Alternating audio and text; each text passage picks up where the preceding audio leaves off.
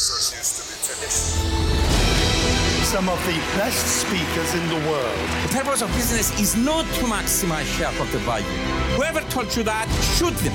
It brings together so many people and creates this high energy environment. Powerful speakers, powerful audience. I denne podkastepisoden skal vi snakke om både kunnskapssamfunn, vekstmuligheter og Norge. Og vi skal også til og med ta en liten eh, sideblikk til Finland. For i meg i studio i dag så har jeg fått besøk av rektor ved Handelshøyskolen BI, Karen Spence. Velkommen. Jeg har også fått besøk av Håkon Haugli, eh, administrerende direktør i Innovasjon Norge. Velkommen. Hallo, takk. Eh, Karen, du er professor i logistikk har vært rektor ved Hanken School of Economics, som er noe tilsvarende av det vi har på BI, svenske handelshøgskolen i Finland, eh, hvor du var rektor i syv år. Ja. Eh, velkommen til Norge da, må jeg jo si. Takk skal du ha. Gleder meg til å høre om perspektivene dine med likheter og ulikheter. Selv om du kanskje er trøtt på å høre om hvor mye ulikheter det er mellom Finland og Norge, men vi nordmenn er jo veldig opptatt av hva utlendinger mener om oss. Så ja, men det diskuterer jeg gjerne. Det er flott. Ja. Og Håkon, mm. du var jo politiker, i, ja. var vara på Stortinget. Og så ble du leder eller direktør for Abelia. Ja i fem år, var det det? Det er riktig. Og så kom du til Innovasjon Norge i 2019. Mm. Så det betyr jo at du har fått noen år på baken, heter det vel, når man er toppleder i en svær organisasjon. ja, det kan du si. Ja. En stor organisasjon som alle har en mening om. Ja. Som deler ut uh, ganske mange milliardbeløper. Under pandemien så var det oppe i tolv. Uh, på snitt er det vel sted mellom syv og ti milliarder i året.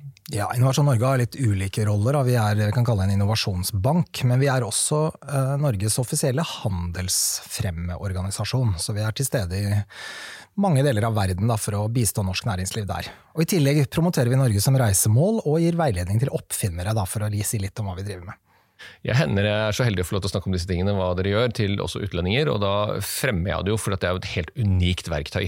Og både, Særlig på lånsiden og den garantisten som den norske stat er gjennom Verktøy Innovasjon Norge, også distriktspolitisk som det jo er. og det har, det har mange grener som, som, jo også blir ofte diskutert og debattert blant mm. både oppfinnere og folk med vekstambisjoner. Vi kommer tilbake til det. Ja, Det er en veldig bra ting, men bare morsomt med Finland, da, fordi den aller nærmeste slektningen Innovasjon Norge har, er Business Finland.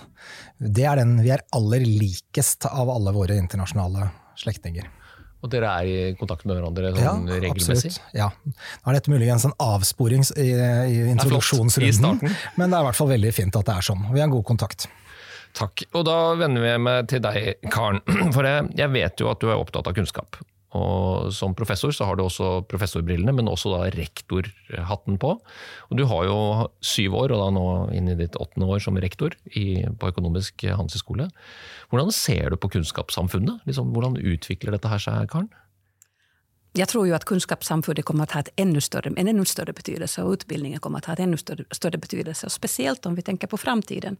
Vem ska vara med och utbilda de som, de, och det som faktiskt näringslivet behöver? Jag tror att en stor del av de som utbildas i framtiden också kommer att komma från universiteten och högskolan. Så vår roll i det hela och de facto att göra ett kunskapslyft tror jag att kommer att vara alldeles, alldeles relevant och väldigt viktig. For du tenker på det som et løft, og rett før vi startet eh, på, på å ta opp denne episoden, så snakket du også om i Finland så har de jo gjort et løft på, på hele samfunnet med synet på utdanning. Kan du fortelle litt om det?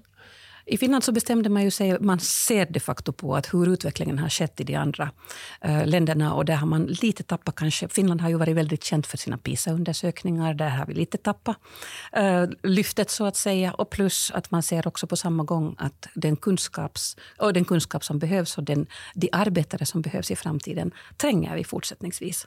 Så där har man bestämt sig för att de facto, till och med under pandemin, så bestämde man sig då för att öka antalet studentplatser. Inte bara för att se till att man också är på skolan, utan också för att faktiskt se till att vi får de arbetare som behövs i framtiden. Det andra som var intressant var kanske det att man bestämde sig också för att vi behöver internationella händer. Man ser ju i Finland vi har samma demografiska utveckling som i Norge. Det vill säga, vi har en åldrande befolkning. Eh, och då tänkte man som så att vi behöver internationella talenter eh, till Finland, så man satsar väldigt mycket på de facto på att locka till sig internationella studenter. Så i Finland så har man ikke pick the winners, som jeg vet vi skal komme tilbake til litt senere. For det er jo en sånn tanke man har fra litt sånn styringsoptimistiske politikere, at det må gå an å velge noen fagområder eller kalle ja, ja, som man trenger mer enn andre i økonomien. Det lyftet som gjordes da, så var det facto det var ganske jevnt. Så at man bestemte seg for at man satsa på de ulike områdene. Og Det tror jeg er ganske klokt de facto, for man vet jo ikke hvem som er vinnaren i framtiden. Og spesielt i dagens lege, når det er så usikkert, så tror jeg at det, det var et ganske smart beslut. Spennende å høre, Håkon.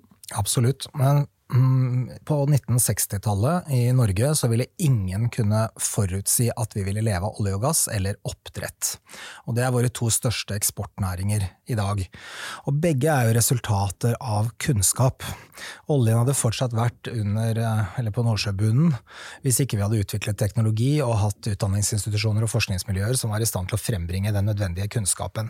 Tilsvarende med oppdrettsnæringen. Så det er et samspill mellom Det er klart Norge har bedre forutsetninger for å leve av noen ting enn andre ting, men det er et samspill der mellom de mulighetene som finnes, og den å, det å kontinuerlig ha kunnskapsutvikling som er relevant. Der har jo åpenbart universitetene en kjempeviktig rolle. Men så har de jo en utfordring, og det tror jeg vi kommer til å komme litt innom. Jeg har jo selv mange års erfaring fra, fra ABI, og, og vet jo at det man ofte kan møte, er jo etterspørselen fra næringslivet skal dekkes ved en eller annen forskningsdrevet kompetanseoverlevering, som jo er avhengig av at det bør ha skjedd først, før du kan validere det. Så at du får, et, du får et gap mellom at utviklingen raser videre og kompleksiteten øker, og forventningen om spesialkompetanse og, og spisse kandidater som kan fylle roller på behovet til næringslivet, blir jo utfordrende. Når, når, jeg tegner det bildet her, det er ikke for å gjøre det mørkt og vanskelig, Karen, men hva tenker du om dette? Når, når dette akselererer i, i, forventninger og krav fra arbeidslivet? da? Jeg tror jo at faktisk en av de utmaning, utmaningarna som du, du mm, säger här är just precis den här att hur hittar vi och hur får vi fram rätt kompetens åt näringslivet? Och jag ser nog att en av de stora sakerna som vi ska göra är samarbete med näringslivet. Det är partnerskap vi egentligen kan komma fram till vad som behövs och när det behövs och, och hurdana kandidater ska vi faktiskt utexaminera. Jag tror att det här är väldigt viktigt att vi samarbetar i de här frågorna med näringslivet.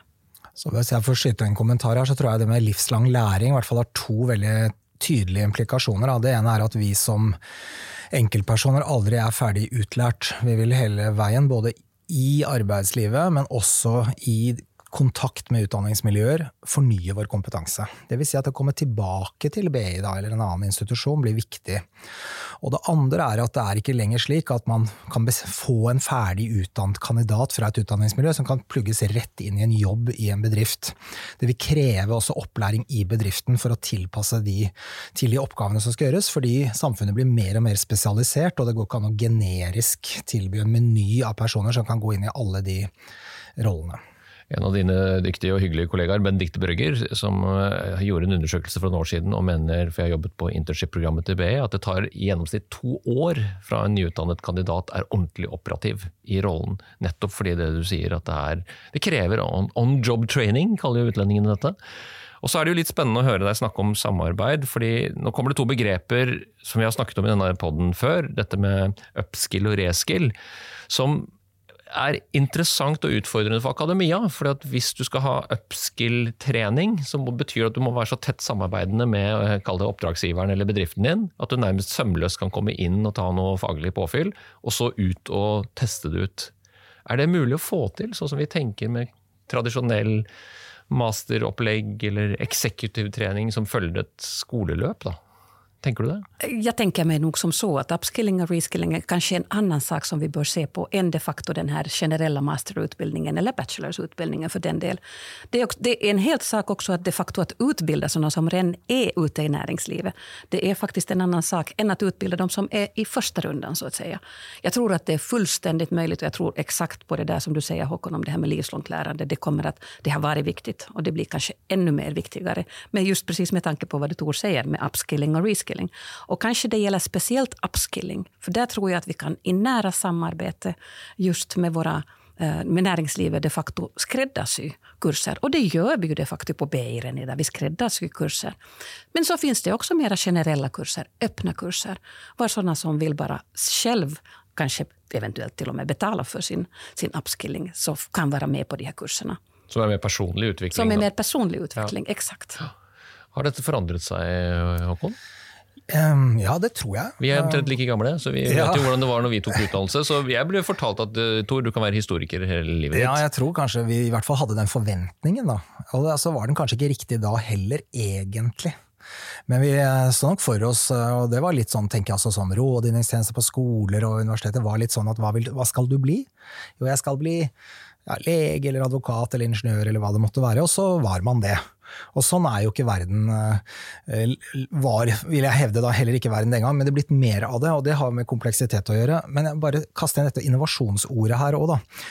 Fordi for å utløse innovasjon, så er det jo Det skjer i mellomrom ofte, eller i møter mellom ulike fagdisipliner, ulike sektorer, hvor problemstillinger utkrystalliseres. Og da er det jo veldig viktig med en åpen hva skal jeg si, utdanningsallmenning, eller kunnskapsallmenning, som gjør den type magi da, mulig når man møtes på tvers. Og det er viktig, og derfor så er det, er det, og det er kanskje til i den samtalen vi har, dette med å bestille kompetanse, det er veldig vanskelig. Og kanskje ikke ønskelig heller, i hvert fall ikke i veldig stort omfang. Det å bestille kompetanse i bredden og bestille kunnskap, det er viktig. Men å, å bestille akkurat den og den type kunnskapen i et fem- eller 20-årsperspektiv, det er krevende. Så, det, så da, det er en utfordring til tror jeg, da, læreinstitusjonene, er å sørge for at det er tilstrekkelig tverrfaglighet, og at man bringer inn ulike perspektiver utenfra, samarbeid med næringslivet, som du nevner, Karen, men også andre miljøer, for å nettopp utløse den type dynamikk. Da. Og der har vi en lang vei å gå, er min påstand. Jeg vil gjerne plukke opp på det med innovasjonsstart, men det er jo en annen faktor her også, til dere begge. Det er jo også konjunkturene. Eh, Og i, sånn som det har vært i Norge i mange mange år, så har det vært gode tider. Og så er det slik at utdanning er jo motkonjunkturindustri, så det holder. Eh, Nå sammen med helse og forsvar. Men nå skal vi jo, det vet vi jo, at det blir mer fokus på utdanning hvis det blir høyere arbeidsledighet. Som jo alle ønsker, med unntak av de som ikke vil miste jobben fordi at de vil holde på med det de har holdt på med alltid og ikke vil endre seg. Eh, Det jeg lurer litt på, er at klarer vi å forutse, hvis vi nå skal litt ned i temperatur, i, for det er det mange som ønsker, i arbeidslivet i Norge, altså, eller i veksten og veksttrykket, ser vi da noen utdanningsspor som beveger seg fortere i innovasjon? Er det, er det mulig å se det, Karen? Jeg, jeg tenker først og fremst da på økonomi- og administrasjonsfagene. For det er jo det vi har til felles her, vi som står i det rommet her. Er det noen som tar dette her litt raskere, prøver å implementere litt sånn nye måter å vise hvordan bransjen utvikler seg? Det kan være regnskapsbransjen, hva vet jeg, det kan være organisasjon og ledelse, det kan være Jeg, jeg vet ikke. Jeg, Er det noen som stikker seg ut? jag, har- egentlig så skulle jeg jo ønske forstås, at jeg skulle kunne svare at kanskje vi har noen som gjør det. Men, men det der, jeg tror jo at, at en- det beste ur et helhetsperspektiv er vel kanskje ditt alla lite strever til det i alle fall. Så, så at jeg skulle ønske at, att vi faktisk alle er litt innovative. Og det er no, en av de sakene som jeg, som jeg tenker meg på B, at det er viktig om vi skal holde oss med i utbildnings... eh, eller være like relevante som vi er både i det norske nærings, næringslivet og internasjonalt, så må vi säkert være innovative og fundere på, på våra inlärningsformer. Och, och, och det tror jag faktiskt att, att, att vi har gjort. Och speciellt under pandemin så såg man ju att det digitala tog ju ett fruktansvärt stort hopp framåt. Och, och det är ju någonting som jag inte tror faktiskt att utan pandemin skulle vi säkert inte vara där i dagens läge, att vi funderar på kurser på det sättet som vi gör i dagens läge. Det är nog riktigt. Men jag vet också, for å gi dere ännu litt mer eh, vann på den mølla, eller för, kanskje for min egen del Jeg hadde besøk av eh, Johan Persson og Bright for et par mm, uker siden denne podkasten, som snakker om denne bootcamp-læringen. De er ikke alene om det, det er Manpower gjør det samme. Hvor, du, hvor de påstår at de kan eh, trene opp IT-kompetanse i løpet av tre måneder. Altså, da er det det man gjør. Og så er man ute i syv måneders praksis. Og det de ser på de kandidatene de har inne i ett år, de er ikke like godt forberedt i arbeidslivet som en bachelorkandidat eller masterkandidat, men i løpet av bare et par måneder så tar disse kandidatene igjen de pairsene sine, som kommer med teoretisk uh, uh, utdannelse, fordi de har lært å lære.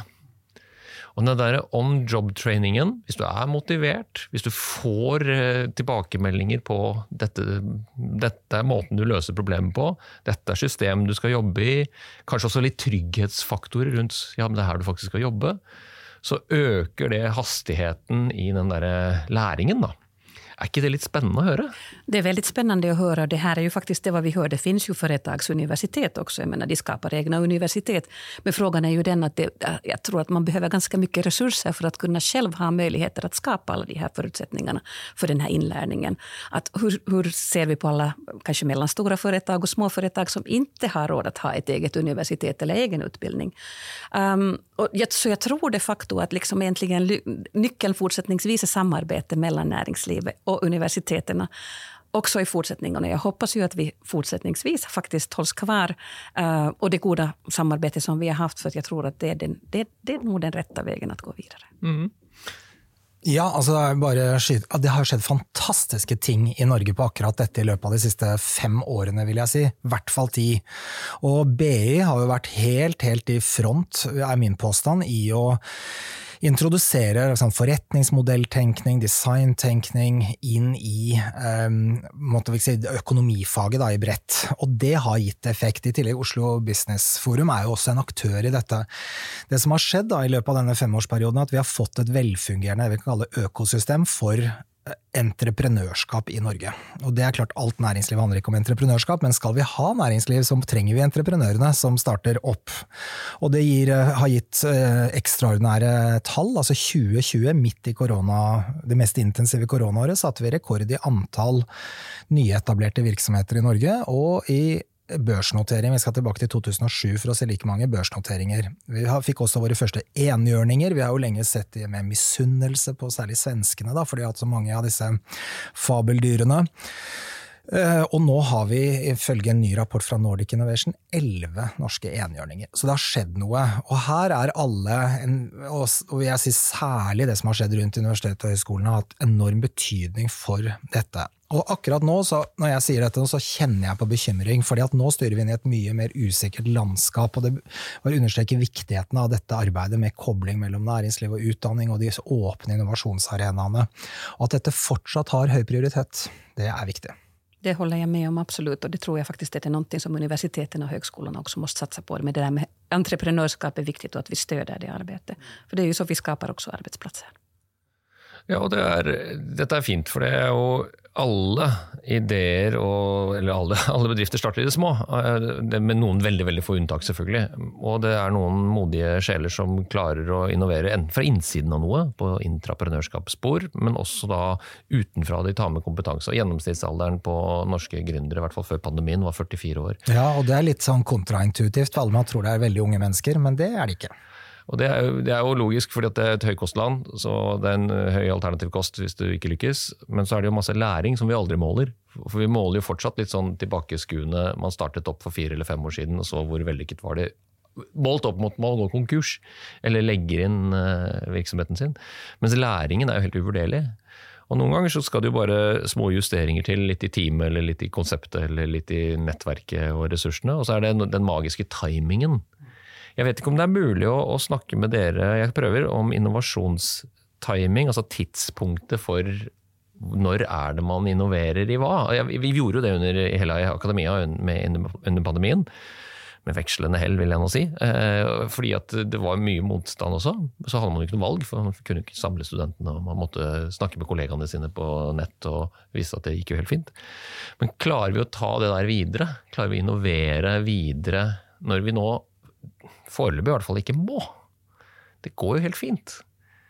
Gjør det ikke det? Altså, det er et veldig interessant spørsmål. Er det sånn eh, nød lærer naken kvinne å spinne, eller ikke? Jeg tror ikke det finnes noe sånn entydig svar på det. Altså, det som skjedde i akademia med bruk av digitale verktøy, det satte jo fart på et arbeid som allerede var identifisert som viktig, og som man var i gang med. Og så blir man nærmest tvunget da, i gåstein til å gå mye raskere frem, og i et mye større omfang enn det man ellers ville gjort. Jeg syns et kjempegodt eksempel på dette var um, uh, i Midt-Norge, um, St. Olavs hospital, som hadde introdusert uh, digitale konsultasjoner, og hadde gått fra noe sånt som 40, altså 4-0, til 40 000, hvis jeg husker tallene, digitale konsultasjoner i løpet av et år.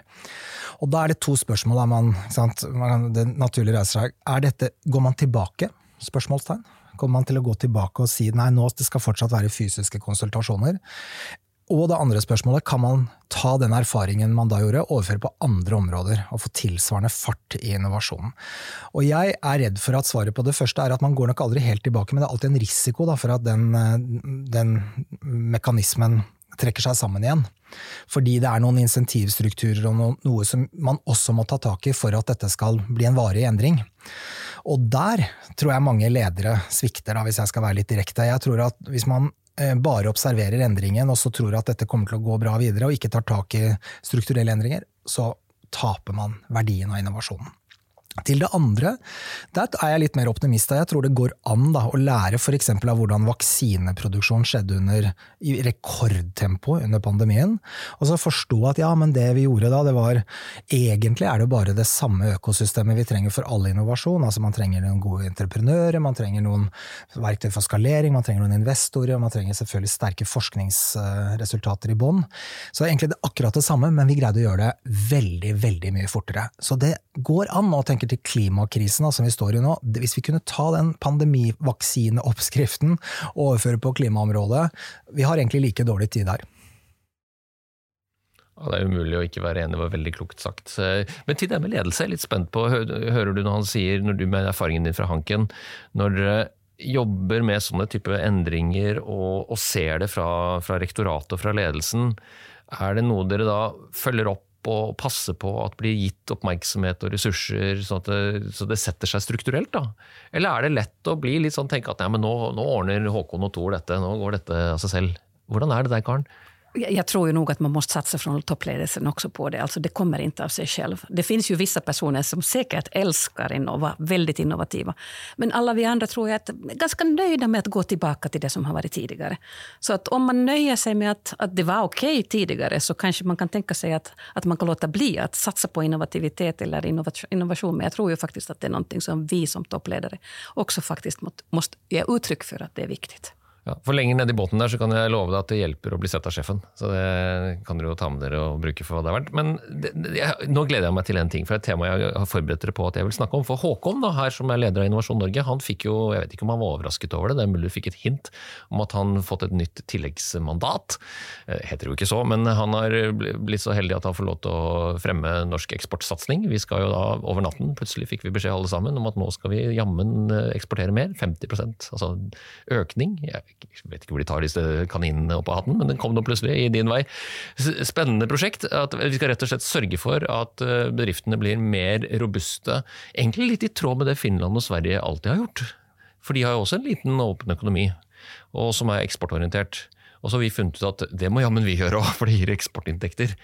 Eh, og du skjønner jo hvor jeg vil med dette her. Hvordan er dette å få dette Ikke at det kanskje var så stor overraskelse på deg som det var på meg, men hvordan ja, var det? Altså Målet, da, pluss 50% det kom i regjeringserklæringen når det var regjeringsskifte sist. Men eksport har jo vi jobbet, og jobber jo vi med hele tiden, så det er viktig å si. Det er ikke noen endring sånn sett.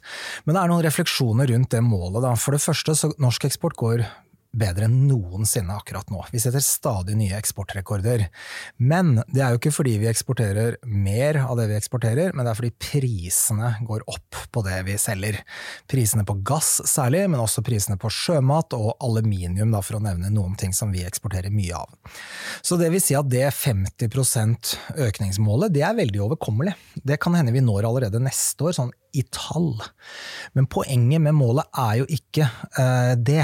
Poenget er jo at vi trenger en mer sammensatt næringsstruktur. Vi trenger flere om dere vil, økonomiske bein å stå på, flere nye eksportnæringer, flere eksportbedrifter som lykkes i tøffe internasjonale markeder. Og da er den oppgaven mye større og mye viktigere, vil jeg også hevde.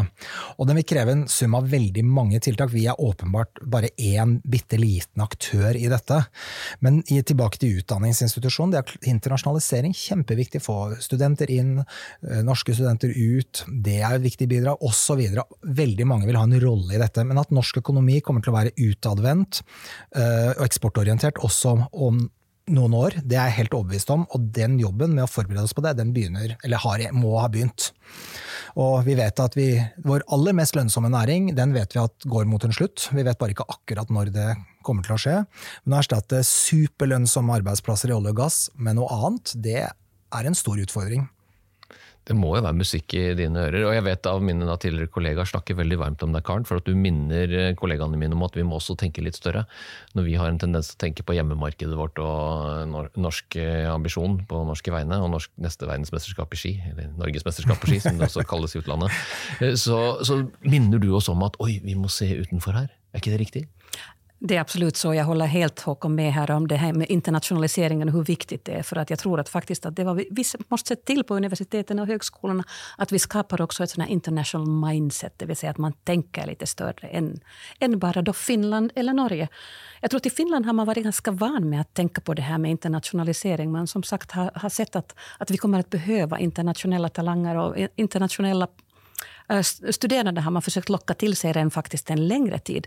Där gjorde man, samarbetade man faktiskt. Så att jag har själv suttit med i en grupp så var, var det var fast, faktiskt Boston Consulting Group som sammankallade de största bedrifterna i Finland, universiteten och så fick vi ännu med ministeriet för att fundera tillsammans på att hur ska vi lösa de här utmaningarna och jobba tillsammans för att attrahera internationella personer och talanger till Finland. Så att i Finland har man faktiskt tagit det här på allvar och samarbete på allvar, vilket är någonting som jag ser som en väldigt positiv sak. Det är inte så bra att suboptimera, ju som en logistikprofessor, utan det är bättre då att faktiskt fundera på helheten och helheten har att vinna på det att vi jobbar tillsammans, för det, den frågan som är väldigt viktig för oss alla. Ja, og det, og det, er strålende. Jeg likte det der med suboptimeringen. Men det, det, samarbeidet som du snakker så varmt om, er jo også litt utfordrende, for man er jo i en konkurransesituasjon også. Eh, I, I, hvert fall i forhold til det å ha folk på en skole eller på en utdanning. Jeg tror at alle har å vinne på om man jobber sammen for å attrahere studenter till Norge. Jag tror att ingen har att, att förlora på det. Och där tror jag inte att det lönar sig att vara avundsjuk på någon som får lite kanske mer. Jag tror att vi alla har att vinna på samarbete. Men där mener jag har sett att det går ned, och det går också ned, har gått over flere år, på norska norske studenter som drar ut.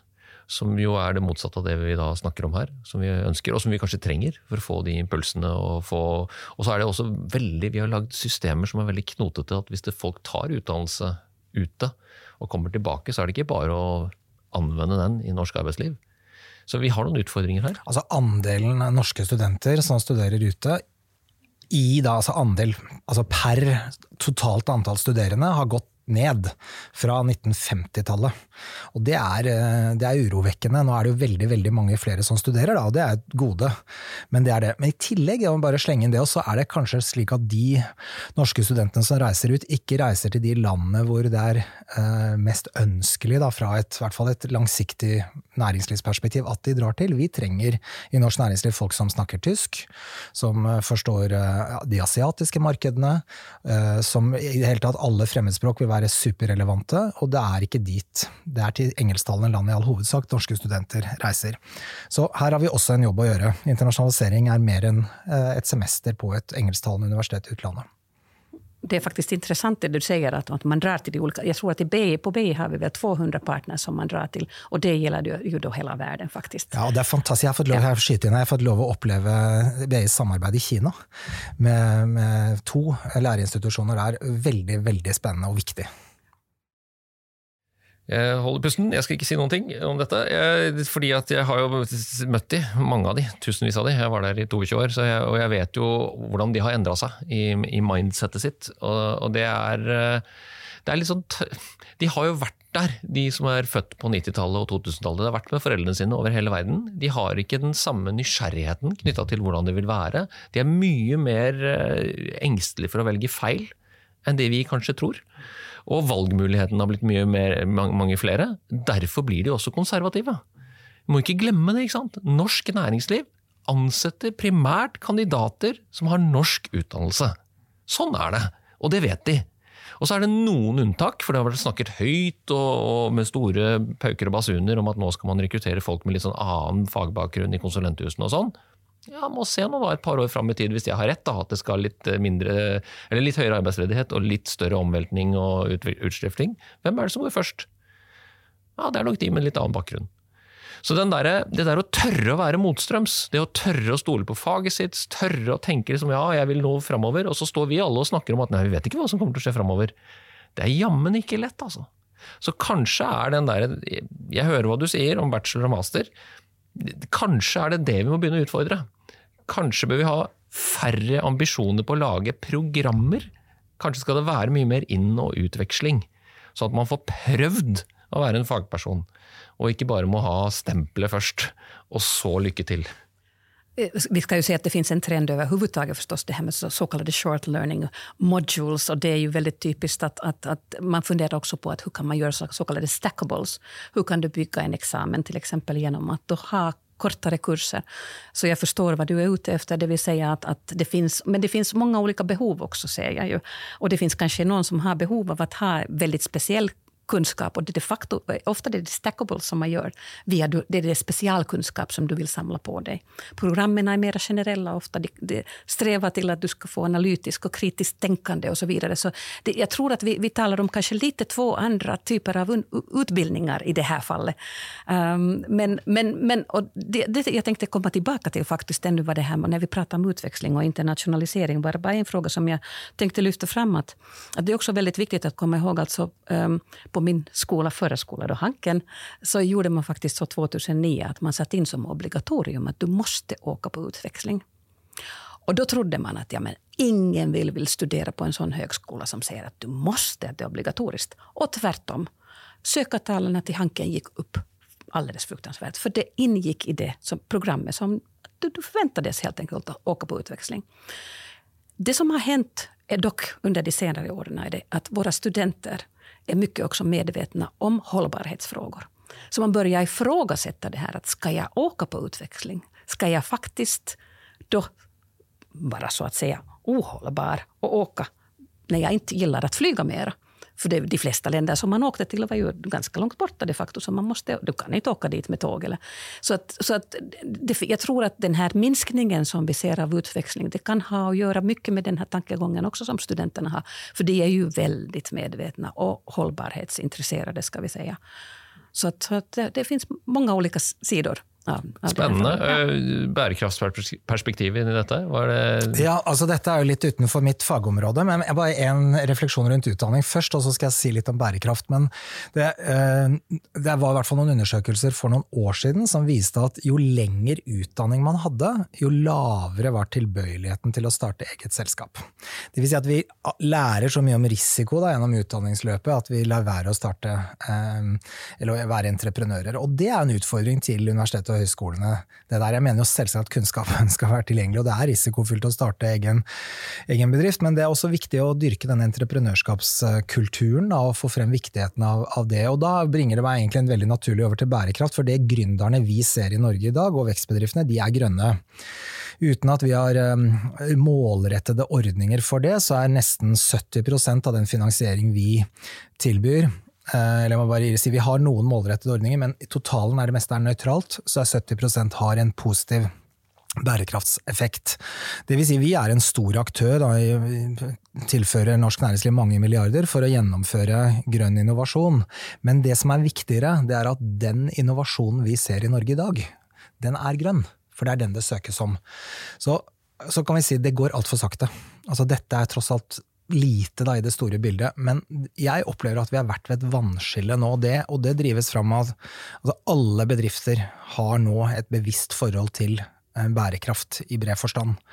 Og det handler om at deres investorer stiller spørsmål om det, og det har inkludert deres bankforbindelser. Det handler om at deres partnere, kunder, stiller spørsmål om det, og ikke minst, og det kanskje viktigste av alt, deres nyrekrutterte medarbeidere har så Det er til ditt poeng, Karen. De nyutdannede unge menneskene som kommer inn i næringslivet i dag, de vil jobbe i bedrifter som bidrar til noe positivt i verden. Så summen av det, da, hvis du er jo ingen leder ingen, i et kommersielt selskap som kan la være å bry seg om hva investorene, kundene og de ansatte mener, så derfor får vi denne kraftige vridningen, heldigvis. Så tänkte jag bara komma kanske tillbaka till Tor, när jag funderar på den här, din, det vad du sa om, om att ska vi se till att vi inte har master och bachelorsprogram mer, utan fundera mer på de här short learning modules. Är ju, sanningen är ju den att fortsättningsvis så är det så att 97 procent av BI-studenterna får jobb uh, efter sin master genast inom tre månader. Så det är ju fruktansvärt bra. Det vill säga siffrorna visar att arbetsmarknaden de facto uppskattar en masters och, och, så länge som arbetsmarknaden fortsättningsvis drar så tror jag ju nog att det lönar sig att utbilda sig också. Men jag tror att kunskap och, och utbildning kommer fortsättningsvis att vara nyckeln. Jeg skal ikke gå inn i noen polemikk med deg på det, for jeg er jo veldig glad for at folk tar uttalelse. Og så er det vi som er eh, innovatører i, i, i, utdanningsbransjen, er jo nødt til å utfordre. Og jeg har jobbet jo med dette i mange mange år, og jeg har jo sett på den, den, den kjernen og det som driver de, er i endring. Og Det er det jeg prøver å synge litt ut om, og det kan vi jo ta i en annen samtale. Om hva er kjernen, altså core, i en sånn innovasjons... Eh, eller gründer, da, om den er grønn, eller om den er brun eller om den er grå. For det er jo noen skal også innovere i de eksisterende stolnedgangsbransjene våre, slik at de tar overgangen. For det er jo der kompetansen egentlig er. Men det, det jeg må spørre dere om, for dere er begge to toppledere for kjente, store organisasjoner. Og så er det bare litt sånn generelt spørsmål. Kan, jeg vet ikke hvem som jeg skal utfordre først, så jeg spør deg, Karen. Er det slik at former du topplederrollen, eller blir du formet av den? Jeg tror kanskje både og, egentlig. Um, om jeg tenker på meg selv og, og på det som, som, jeg er som person, så tror jeg nok at en stor del av det hele tok jeg med meg den jeg gillar mennesker i utgangspunkt, vilket är väldigt bra. Om du ska fungera som toppledare måste du kanske gilla människor. Så det tog jag med mig då när jag som rektor. Um, men sen är det ju förstås mycket också som du lär dig under, väg, under vägen och speciellt um, kanske du lär dig av dina misstag som gjør at det former også deg som leder, og du vet at hva, hva er forventningen? Og, og, kanskje en av de sakene som jeg har lært meg spesielt under, under min tid som rektor, som jeg har tatt med meg også fra, fra mitt tidligere liv, er å fundere på det her med at, at lyssna. at det er faktisk veldig viktig. At det merker jeg. det har liksom blivit min mantra her. den her listen and learn and lead. Uh, för det tror jag faktiskt att fungerar oberoende av vilka tider vi talar om. Talar vi om besvärliga tider och svåra tider eller är det bra tider så tror jag att, att för en ledare så är det bra att, att kunna lyssna och lära sig och sen kunna leda. Tack. Håkon? Ja, jeg vil også svare begge deler. Det finnes jo ikke én måte å være leder på, og det er viktig uh, for folk som vurderer ledelse å vite, tror jeg. For mange, kanskje særlig unge mennesker, tror at man må være på en bestemt måte for å være leder. Og det er ikke mitt uh, det, det, mener ikke jeg, da. Jeg tror det er mange måter å være leder på, men det er noen grunnleggende uh, egenskaper da, som Karen er inne på, som jeg tror du bør ha, og som er, må være med i kofferten. Sånn så kan du si da former jo hver enkelt leder rollen. Altså Blant annet nysgjerrighet tenker jeg er kjempeviktig som leder, og du må være genuint nysgjerrig på mennesker og problemstillinger og ting som skjer. Og så tror jeg det handler mye om å gi trygghet være forutsigbar, eh, ha ro, da, særlig hvis det er litt storm rundt, eh, rundt, en eller virksomheten, så er det et poeng. Eh, og kanskje ikke være så opphengt i alle detaljer, det tror jeg i hvert fall for mitt vedkommende er viktig. her, så Vår virksomhet er full av detaljer. Jeg kunne brukt dagevis på å sette meg inn i alt, og skulle jeg legge det inn i Excel-ark, så hadde jeg druknet fullstendig. Så det å ha forholde seg til overblikket, da. Der kanskje logistikkdoktorgraden kommer godt inn. Det tror jeg er, viktig.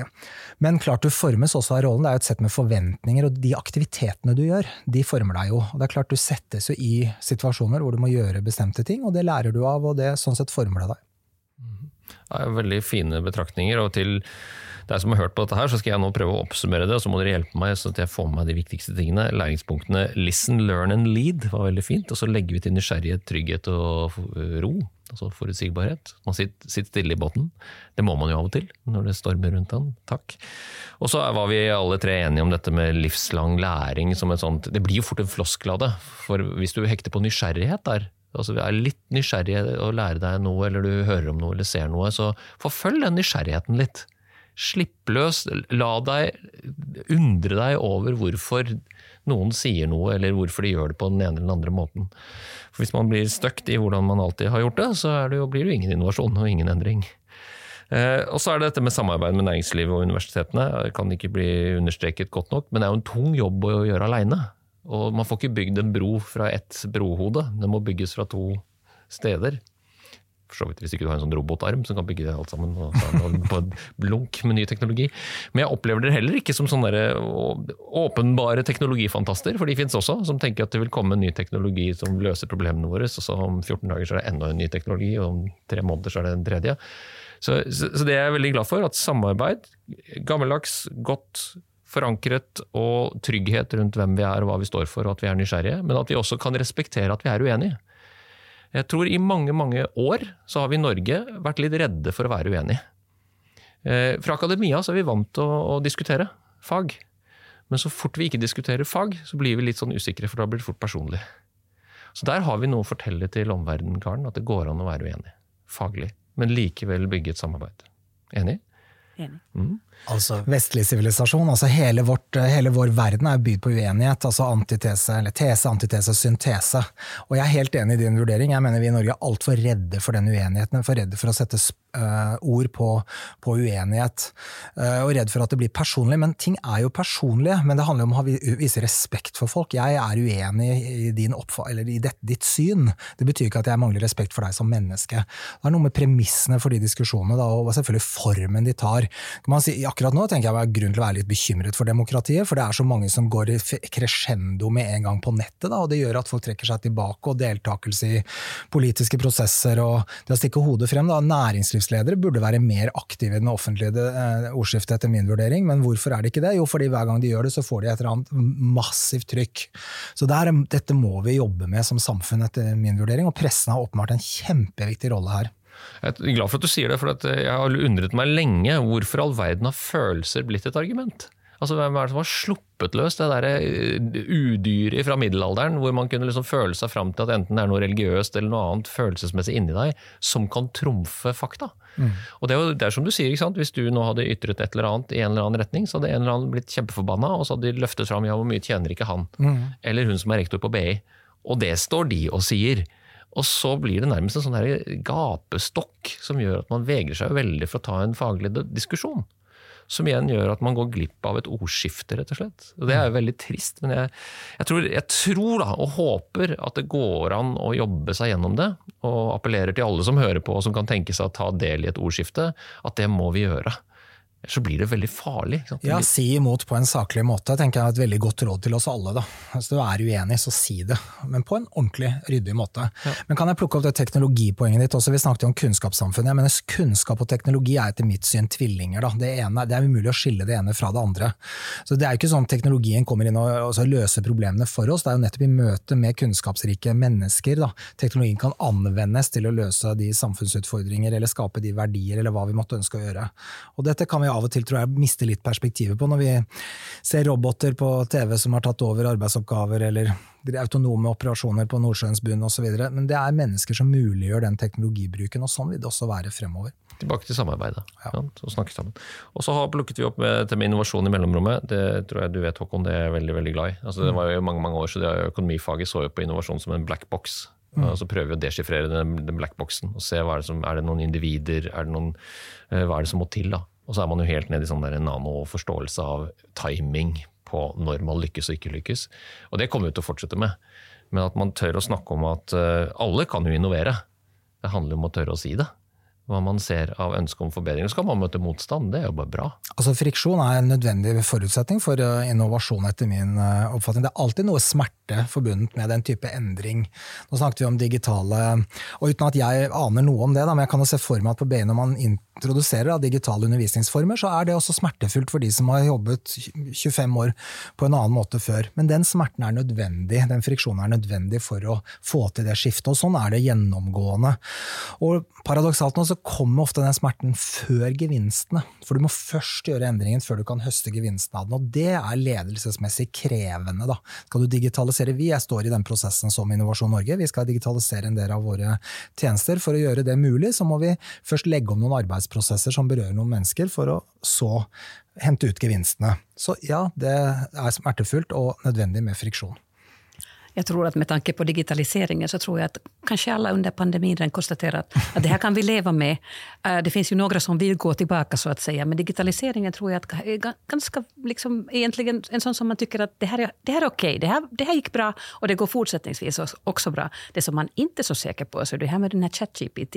Ja, För det är ju faktiskt en sak som nog har väckt mycket känslor och tankar om att, att borde vi egentligen gå tillbaka till penna och papper? Ja. Eller ska vi se till att vi de facto fundera på att det här kommer att bli vår framtid, det här ska vi mm. jobba med. Så att jag tror att det här kommer att vara en större utmaning att fundera på att hur ska vi ställa oss till de här frågorna. Mm, det er jeg veldig enig i. Altså bare et annet område, altså grønt, eh, altså grønn omstilling. Altså vi skal, at vi skal leve livene våre på en helt annen måte. Det er noe annet enn å ta i bruk digitale verktøy. Så, og når det gjelder kunstig intelligens, superinteressant tema. Da. Hvem er det som eier algoritmen? Er den, har den bias? Er det osv. Kjempeinteressant. Og det blir ja. spennende å skal se da, hvordan BI tar i bruk eh, den type verktøy etter hvert. Vi må ha en ny, pod podkast om det. Vi skal følge med, og det, veldig, og det har så vidt begynt. Ja. Dette har vært varslet lenge og blitt fantasert om og skrevet fantasybøker om i, i mm. årtier. Nå er det her.